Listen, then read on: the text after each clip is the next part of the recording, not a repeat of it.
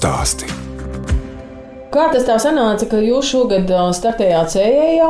Man jau pagājušā gada gribēja pierunāt, bet tad man bija arī ar to visu celtniecību nekārtību, un kad man uzrunāja atkal, es domāju, nu labi, piekritīšu. Kauta ir jauna, skaista, zaļa. Beidzot ir kaut kas arī acīm tīkams. Būs ko mazbērniem pastāstīt un parādīt bronzas statuju. Cik daudz ir tādu jaunu puiši, kas te Jākapils pusē saimnieko? Daudz ir tādi gados jauni zemnieki. Jā, es zinu diezgan daudz. Tā kā tā paudžu maiņa notiek. Jā, protams, tas jau ir neizbēgami. Nevar vesela nozara aiziet bojā no tā, ka vienkārši viss paliek vecs un pārstāj nodarboties. Tā stāsta jaunais lauksaimnieks Agris Stiebriņš no Jākapils novada salas pagasta zemnieku saimniecības kaļķi. Es, Daina Zalmane, šoreiz ciemojos pie pērnā gada konkursa sējējas laureāta nominācijā Jaunais veiksmīgais zemnieks. Agris 250 hektāru lielo bioloģisko graudkopības saimniecību pirms diviem gadiem pārņēma no tēva, bet viņa senči uz salas starp divām upēm, Daugavu un Saku, saimniekojuši jau septiņās paudzēs. Stiprie stāsti. No sapņa uz mērķi. Kaļķi ir bijusi vecsaimniecība. Man ir arī dokumenti, kur cara laikā no mužas ir par zelta rubļiem pirkta zeme.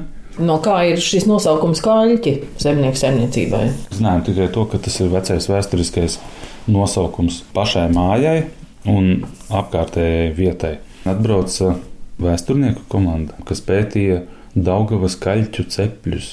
Un tad viņi tur nonāca pie kopsaucēja, ka tas nosaukums kaļķi ir bijis pateicoties tam, ka šajā vietā ir bijis mūžas kaļķu ceplis. Uz Daugavas pusi, kur kādreiz bija kalns, kuru blakus esošajā dīķī melioratori sastuma. Tajā vietā tas kaļķu ceplis esot atradies, no kā tad arī tas nosaukums. 40. gados, protams, pēc okupācijas, tad jau arī viss saimniekošana beidzās. Mana senča, kas te dzīvoja, arī mans vectēvs, kurš šeit ir dzimis, aizbēga uz kurzemi, un, un tā viņi tur arī nodzīvoja. Līdz 90. gadu sākumā vectēvs atguva šeit zemi, atguva arī māju un nodibināja saimniecību 92. gadā. Saimniecība nebija liela, tur bija aptuveni 30 hektāri sēplatība. Graudkopība, sākumā bija arī kāda lopa nedaudz. 98. gadā tēvs pārņēma saimniecību. Viņš ienāca lauksaimniecībā no meža biznesa. Gan drīz 20 gadus atpakaļ saimniecība kļuva par bioloģisko graudkopības saimniecību. Daudzi, kas 90. gadu sākumā sāka, viņi to pārstāja darīt, bija brīvi pieejamas zemes.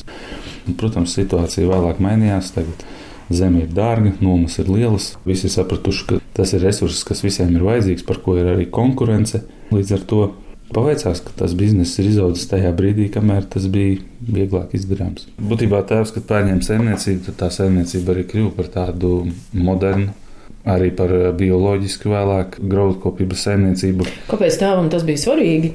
Kā viņš pats par sevi teica, ka viņu nepaspēja sabojāt kolekcijas. Viņš strādāja tur nepilnu gadu, un uh, tikko bija iespēja, ka sāka tas viss brukt, viņš sāka nodarboties pats.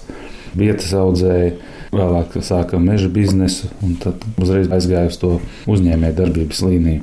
Līdz ar to arī tā pieeja vēlāk viņam bija tāda kā uzņēmējiem. Pretēji, kas bija ļoti grūti cilvēkiem, kas bija jau pietiekami dzīvojuši sociālismā, un viņiem pārslēgties uz to visu jauno pasauli bija daudz grūtāk. Līdz ar to es domāju, ka tā saimniecības modernizēšana bija tāda arī apzināta izvēle.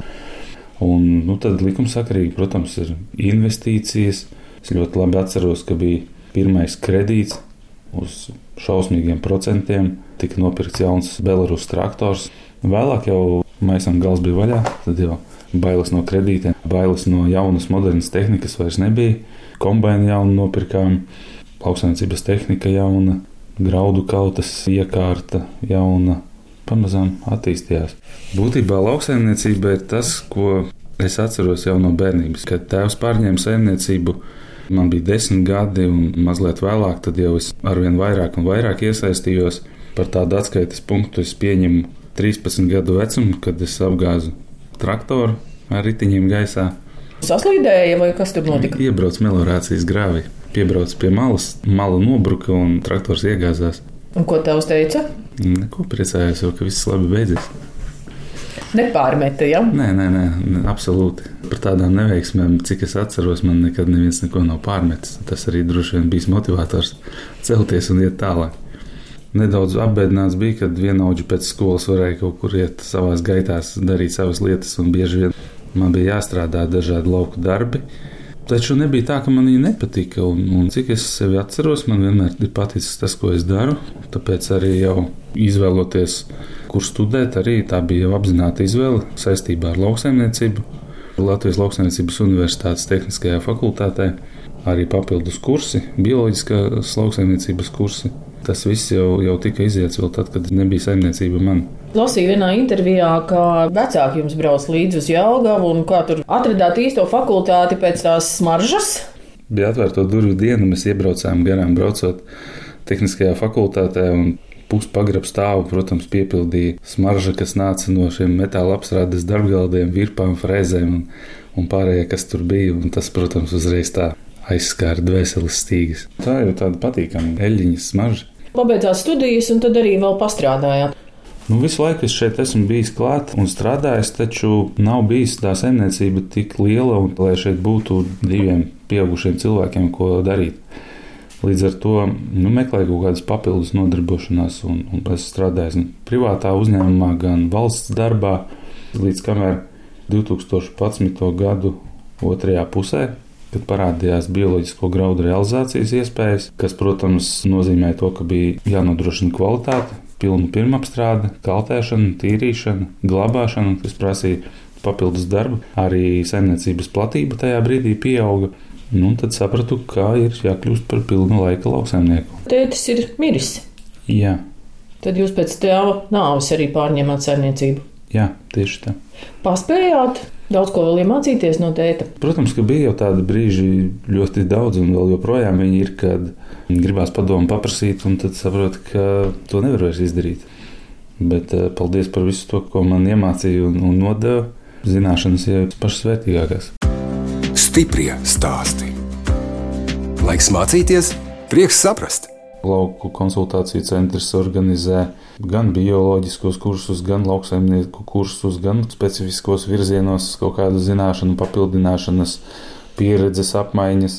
Variantu ir ļoti daudz, kā vēl iegūt zināšanas, un tas arī tiek darīts. Tas notiek vairāk zīmā, tad, kad nav tā aktīvā sezona. Nu, organizatori parasti jau tam pielāgojas, jau zina, ka ir laiks, kurā diez vai kāds ieradīsies uz kursiem, ja tajā brīdī ir, teiksim, sēja vai ražas novākšana. Pēdējais, uz kurienes biju ar vidzemes bioloģiskajiem lauksaimniekiem, vairākas dienas braucām pa saimniecībām, pa uzņēmumiem. Tepat pa Latviju? Skatījāmies, jā, tepat pa Latviju. Tas bija ļoti vērtīgi. Dažreiz jau vērtīgāk ir arī aizbraukt pie kāda netāla zemnieka, individuāli paskatīties, kā viņš strādā. Tādā diskusijas dialoga formātā būtībā var nonākt pie ļoti vērtīgām atziņām, pie ļoti vērtīgas pieredzes, kura nav ar zaudējumiem jāizdzīvo uz savas ādas.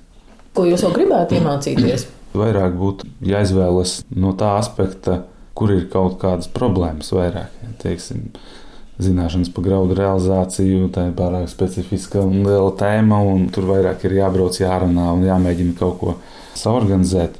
Bet, piemēram, tāda problēma kā augsnes auglība, kas ir bioloģiskajā lauksaimniecībā, to varētu ar tādām no, agronomiskām zināšanām ar zināšanu papildināšanu noteikti ietekmēt uz labo pusi. Es noteikti esmu no tiem cilvēkiem, kas uzskata, ka man nepietiek zināšanas. Stiprie stāsti. Mans ceļš un pieredze. Jaunais lauksaimnieks Agris Stiebriņš pērn konkursā sējējs kļuva par laureātu nominācijā Jaunais veiksmīgais zemnieks par bioloģiskās graudkopības saimniecības skaļķi īpašnieku Jākapils novada salas pagastā. Viņš kļuva pirms diviem gadiem pēc tēva Gundara aiziešanas mūžībā. Agris audzēja ziemas kviešus, nedaudz rudzus, griķus un auzas 250 hektāros, un puse no šīm platībām ir viņa īpašums. Pērnā gada liela lielie plūdi Daugavā nodarīja lielu postu arī viņa laukiem, kas atrodas uz salas starp divām upēm. Agris rāda fotogrāfijas, kurās redzami lauki pēc plūdiem. Daugava pārgāja pāri laukam un izskaloja bedres. Te ir pāri pa divi metri. Nu, tā arī sanāca, teiksim, 20 hektāru laukam no sāna tāds rops, neregulāras formas. Pamest viņu kaut kā izdalīt arī īsti tur nevar. Un tad pieņem lēmumu, ka vajag to visu sakārtot. Bet meliorācijas grāvs lielais līdz augšai pilnīgi ciet bija tā, ka varēja pārbraukt pāri. To visu raka ārā, šo tā atkal izrakto grunti veda projām uz tiem izskalotajiem laukiem. Līdzināja, ko redzēt, dampers iesaistīts, ekskavators. Kā Un cik ilgi tie plūdi vilkās nu, uz tiem jūsu laukiem, cik ilgi bija ūdens? bija lauki, kas stāvēja ziemā, ir lauki zem ūdens vairāk kā nedēļu. Bija, kur bija pāris dienas virs uznācis. Nu, tad, attiecīgi, arī rezultāts bija atšķirīgs. Dodamies apskatīt agra laukus. Protams, plūdu sekas vairs nav redzamas. Mēs atrodamies tieši vietā, kur bija gada sākumā pats lielākais izskalojums. Arī ceļa posms viss bija izskalots pašvaldībai. Un abās pusēs ceļam bija lielas bedres un krāteri, kas bija izskaloti. Vienā pusē mēs redzam, kur ir grīķu lauks bijis, kas ir novākts.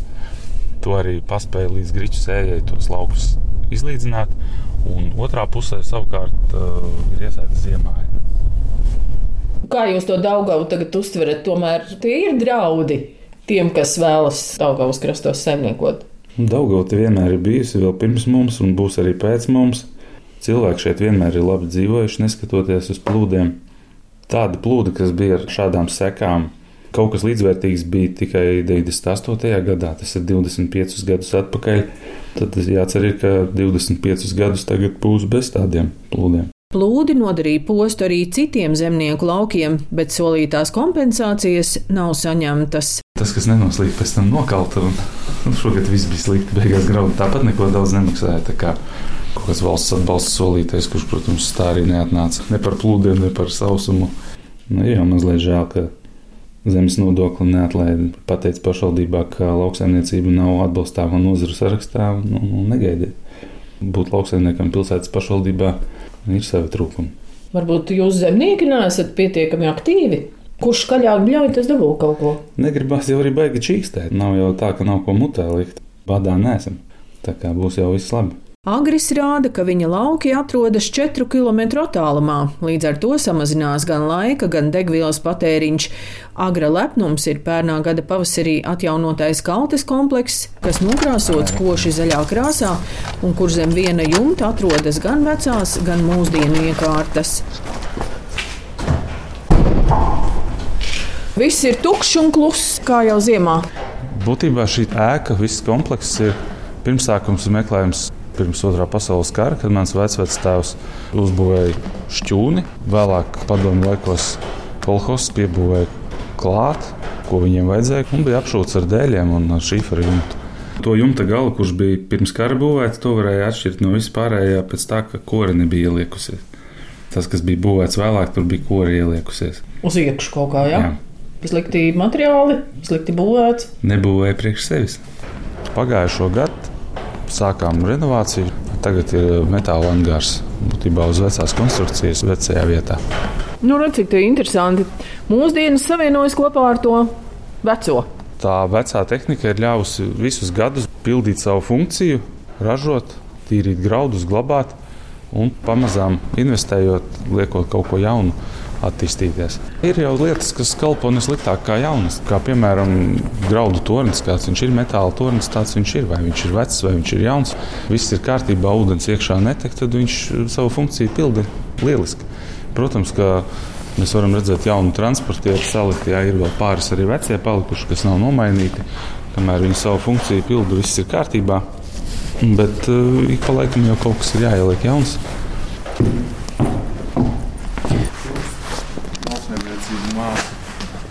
Mēs redzam, graudu pieņemšanu uz bedra.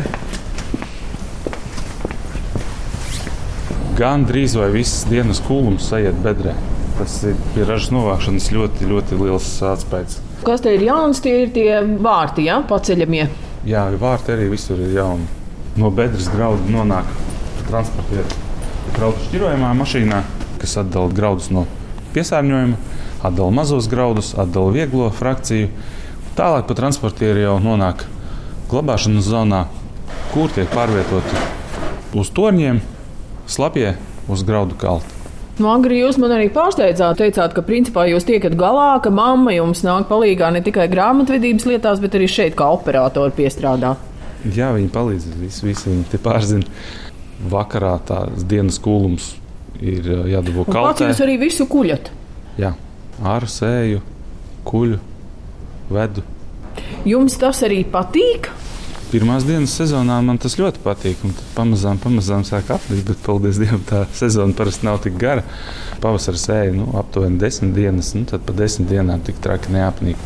Novākšana tas ir mazliet ilgāks process, bet arī nu, novākšana vienmēr ir tāds svētbrīdis, kad uh, visa gada ieguldītajam darbam beidzot nāk augļi. Tas arī motivē ļoti strādāt. Cik stundas jūs strādājat? Tad? Kaut kādas pats jau sanāk.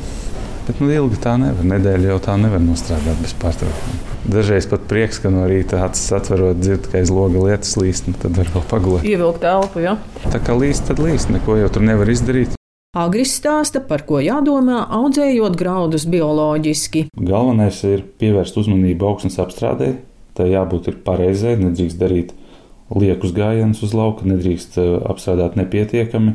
Manā gadījumā izvēlēta ir klasiskā metode, kas ir ar augsnes aršanu, kam vēl uzmanība ļoti ir jāpievērš termiņiem, kad apstrādā, kad sēž, jo ir jāiedod tam augam maksimums, ko var iedot. Tajā brīdī, kad mēs viņu sējam, lai viņš tiek iesēts mitrā zemē, lai viņš necieš no sausuma. Tas pats ar nezāļu apkarošanu ir eh, ļoti svarīga rugainas apstrāde, ka tas ir iespējams ar lobīšanu. Tā ir eh, sekla rugainas apstrāde kas būtībā nozīmē to, ka augsnes virskārta tiek sekli sastrādāta un uz augsnes virsmas nobirušie graudi pēc novākšanas un nezāļu sēklas tiek izprovocēti uz dīkšanu. Jo pretējā gadījumā, ja tā nezāles sēkla nav izdīgusi un viņu iestrādā zemē, pēc gada, pēc diviem, varbūt pēc pieciem vai vairāk, viņa nonākot precīzā augstumā, labos apstākļos, viņa izdīkst un uz tā lauka ir tā nezāle. Savukārt ar lobīšanu mēs panākam to, ka tā zemes virskārta tiek sastrādāta tā, ka viss, kas tur ir izbiris, izaug, pēc tam sekojoša aršana, tad to nezāli arī iznīcina. Plus vēl ir tāds, ka tā zeme kļūst dzīvāka, teiksim, pēc novākšanas, kad tur ir tikai rugāji, varbūt ir sakaltusi vasarā virskārta, viņā dzīvības nav. Savukārt to augu atliekas iestrādājot virskārtā, sākas pūšanas procesi, mikroorganismi aktivizējās un tā zeme kļūst dzīvāka un auglīgāka. Bioloģiskajā lauksaimniecībā ļoti svarīga ir augu maiņa. Pēc kviešiem attiecīgi ir e, starpkultūra, maija beigās sēja grīķus. Pēc grīķiem nākamā kultūra ir auzas. Auzām aptuveni pusē ir pasējā sarkanais āboliņš, zīriņi, kas ir tādas kultūras, kas mazliet iedod tai zemē arī slāpekli. Jūs audzējat arī kaut kādas īpašas noteikti šķirnes, ja, kas ir piemērotas tieši bioloģiskajiem saimniekiem. Jā, šķirņu izvēlē, protams, priekšroka pārsvarā tiek dota mazprasīgām, kas, protams, ir netik intensīvas šķirnes, kas mazāk slimo, kas ir bieži vien lielāka auguma, taču ar mazāku ražas potenciālu. Šobrīd ir sēklē iesēti rudzi kaupo, Latvijas mm. šķirne, kuru arī pārsvarā izmanto vietējie rudzmaizes cepēji. Nu, tad nākamajā gadā būs izaudzēts sēklas materiāls, un pēc tam var jau domāt, sākt rēķināt, cik liela platība ar viņiem sēt, un tad jau arī varēs prognozēt, cik būs tā produkcija, un sākt runāt arī par kaut kādu realizāciju. Šobrīd es teiktu, ka lielākais izaicinājums ir bioloģiskās produkcijas realizācija. Par tādu cenu, kas apmierinātu bioloģiskos ražotājus.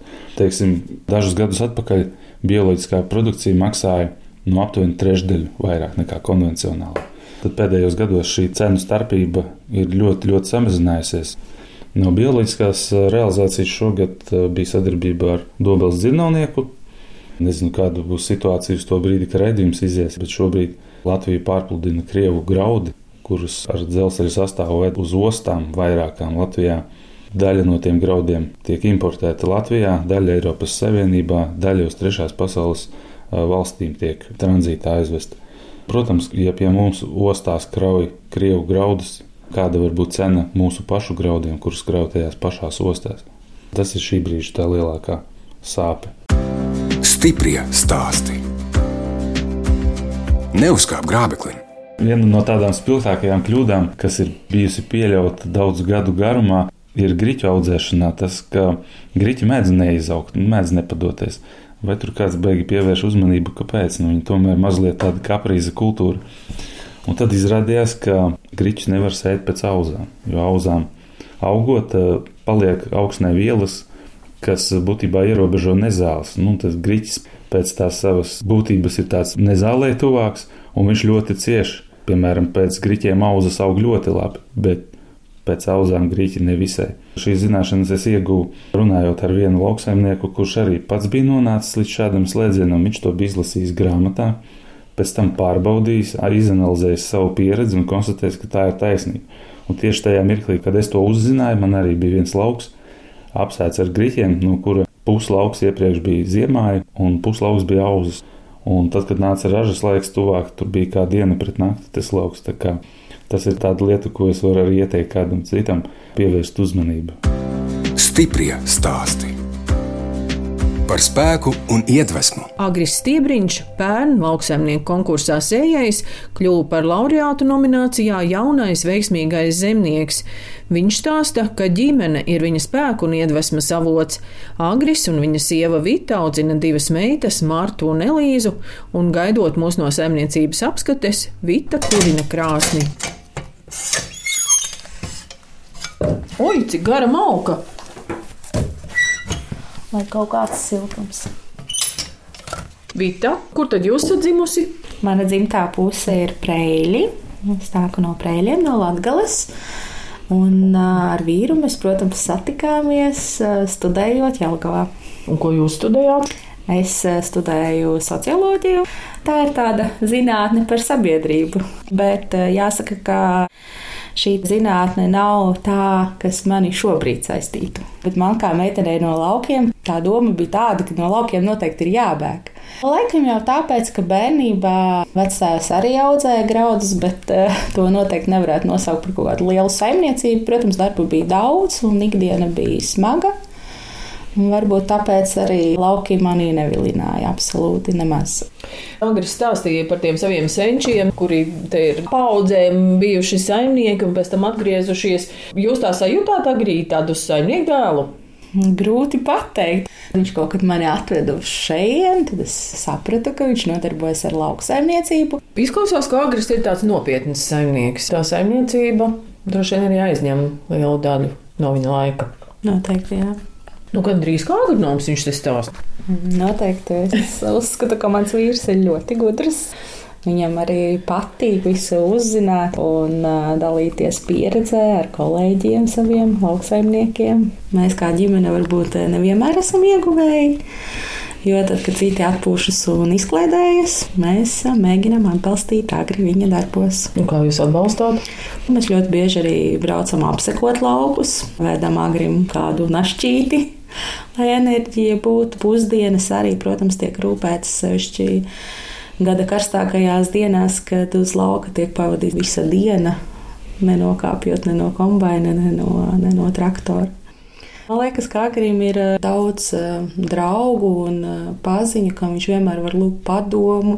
Tāpat arī Agra māma vienmēr palīdz, ja kaut ko vai, piemēram, šeit kaltē. Viņa zina tur tās vajadzīgās pogas, kas jāsaslēdz ir, un, un mēs vairāk ar meitenēm nu, emocionāli cenšamies atbalstīt. Lauksamniecība, man liekas, tā ir agrā visa dzīve. Tas nav tikai bizness vai nodarbošanās, tas ir arī dzīvesveids. Līdz ar to mans uzdevums ir maksimāli atbalstīt vīru visās viņa darbībās. Kas viņam palīdz tādos grūtos brīžos? Nezinu, apčubināšana, kaut vai kafijas uzvārīšana no rīta vai, vai kaut kāds uzmundrinājuma vārds. Nu, redz, Agris uzreiz jau sāk smaidīt, citādi stāstīja par realizāciju un kļuva ar vien nopietnākas. Jā, tā tāda rūpa ir tā realizācija. Es ceru, ka es par realizāciju drīz arī varēšu stāstīt ar smaidu. Mēs jau nenosakām ne pasaules graudu cenu, ne pieprasījumu. Agris stāsta, ka šobrīd viņa vaļas prieks gan piespiedu kārtā ir būvniecība. Mēs nopirkām nedaudz nepabeigtu saimniecības ēku upes krastā un pārbūvējām viņu par dzīvojamu māju. Bet nevis Daugavas, bet Sakas. Sakas krastā. Iespēju robežās piesaistu meistarus vai firmu, bet eh, nu, daudz kas jau pašam tomēr gan organizatorisks darbs, gan arī kaut kādas nestandarta situācijas. Šis gads, kā man bija plānots finansiāli atspērties, protams, nesanāca. Nu, gaidīsim nākamos gadus, lai būtu labāk. Moči tādas lietas arī, ja jums abiem ar tēti kādreiz patika? Nu, protams, nu, kam tam motocikli nepatīk. Sezonas pašā beigās druskuļi pabraukāja, bet nu, tagad ar nepacietību gaidu nākamo sezonu, kad varēs izlaist kādu līkumu tuvāko vai tālāku. Ko tad vizināt? Sievu jāvizina, ko tagad cita. Meitas vēl par mazu, jā? Nu, vēl maziņas, jā. Vita, kādi jums vaļas prieki? Nu, pēdējā laikā man ir aizrāvusi dāvanu saiņošana.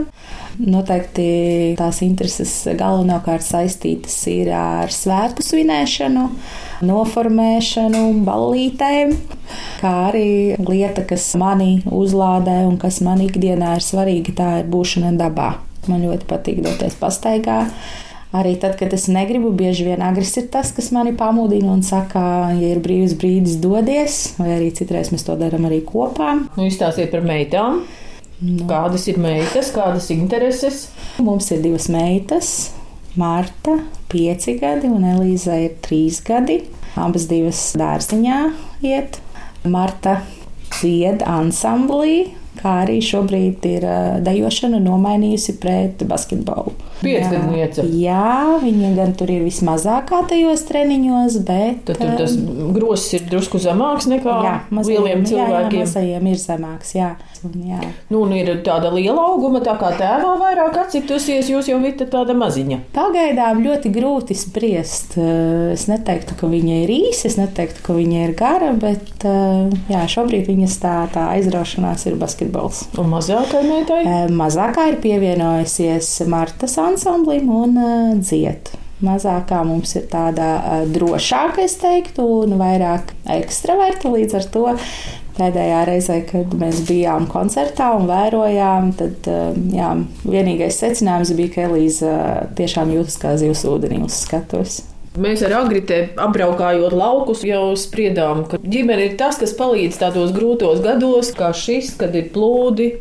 Ģimene jau ir arī galvenais motivators strādāt un iet uz priekšu, jo manā darbā galvenais ir ilgtspēja. Tā tad ir jābūt mērķim. Nu, mērķi es nevaru saistīt tikai ar sevi, ja, nu, kā palikt bagāts, piemēram. Galvenais mērķis ir ilgtspēja, lai es varu strādāt, pelnīt naudu šeit, un uh, lai es varu atstāt arī nākamajai paudzei šādu iespēju. Jo es nevaru, piemēram, gribēt, lai nākamā paudze tagad nāk pēc manis šeit kaut ko dara. Ja šeit nav sakārtota infrastruktūra, nav tehnika, nav iestrādnes, jā, līdz ceļiem dubļi un, un vairāk nekā, un tad brīnīties, ka jaunā paudze negrib nākt un raujās uz pilsētu, uz Rīgu vai, vai vēl nedod Dievs uz ārzemēm. Tad jums tur tie znoti būs tādi jānoskata, kam patīk lauksaimniecība un interesē graudu audzēšana. Nu, tur kritērija būs ļoti stingri. nu, cik ilgi jūs esat zemesargs? Zemesardzē esmu piecus gadus. 56. kājnieku bataljons Jēkabīlī. Zemesardzē jūs iestājāties ar tēvu kopā? Nē, nē, to es viens. Pats izdomājāt? Jā, protams. Un cik tad jums bieži notiek kaut kādas aktivitātes, mācības? Būtībā visu gadu notiek vairāk vai mazāk, un tad pēc iespējas, kur sanāk, tur arī piedalos. Vienīgais, ka lielākoties lielās mācības visas tiek plānotas tajā brīdī, kad arī sakrīt pašam lielākie darbi. Un ziema, kad būtu brīvāks, tad arī tur ir mazliet tukšāk. Nu jā, bet ziemā tad atkal problemātiskāk droši vien. Mežā teltīs. Netraucē, man liekas, agrīt tas netraucē noteikti. Nē. Jābūt ir gatavam uz visu. Gan ziemā, gan vasarā. Protams, nu, kam vēl vienai lauksaimniekiem būs lielākā motivācija sargāt savu zemi, jo nu, mēs esam tomēr tie uzņēmēji, kuri nevar savu biznesu paņemt un aizbēgt ar visu projām. Mums te ir jāpaliek. Tā kā mēs te stāvēsim līdz pēdējiem, cerams, ka šāda vajadzība nebūs. Bet nu, valsts drošība jau, protams, ir balstīta gatavībā aizstāvēt sevi. Jo mēs esam vairāk gatavi, jo mums tas mazāk iespēja, ka būs jādara.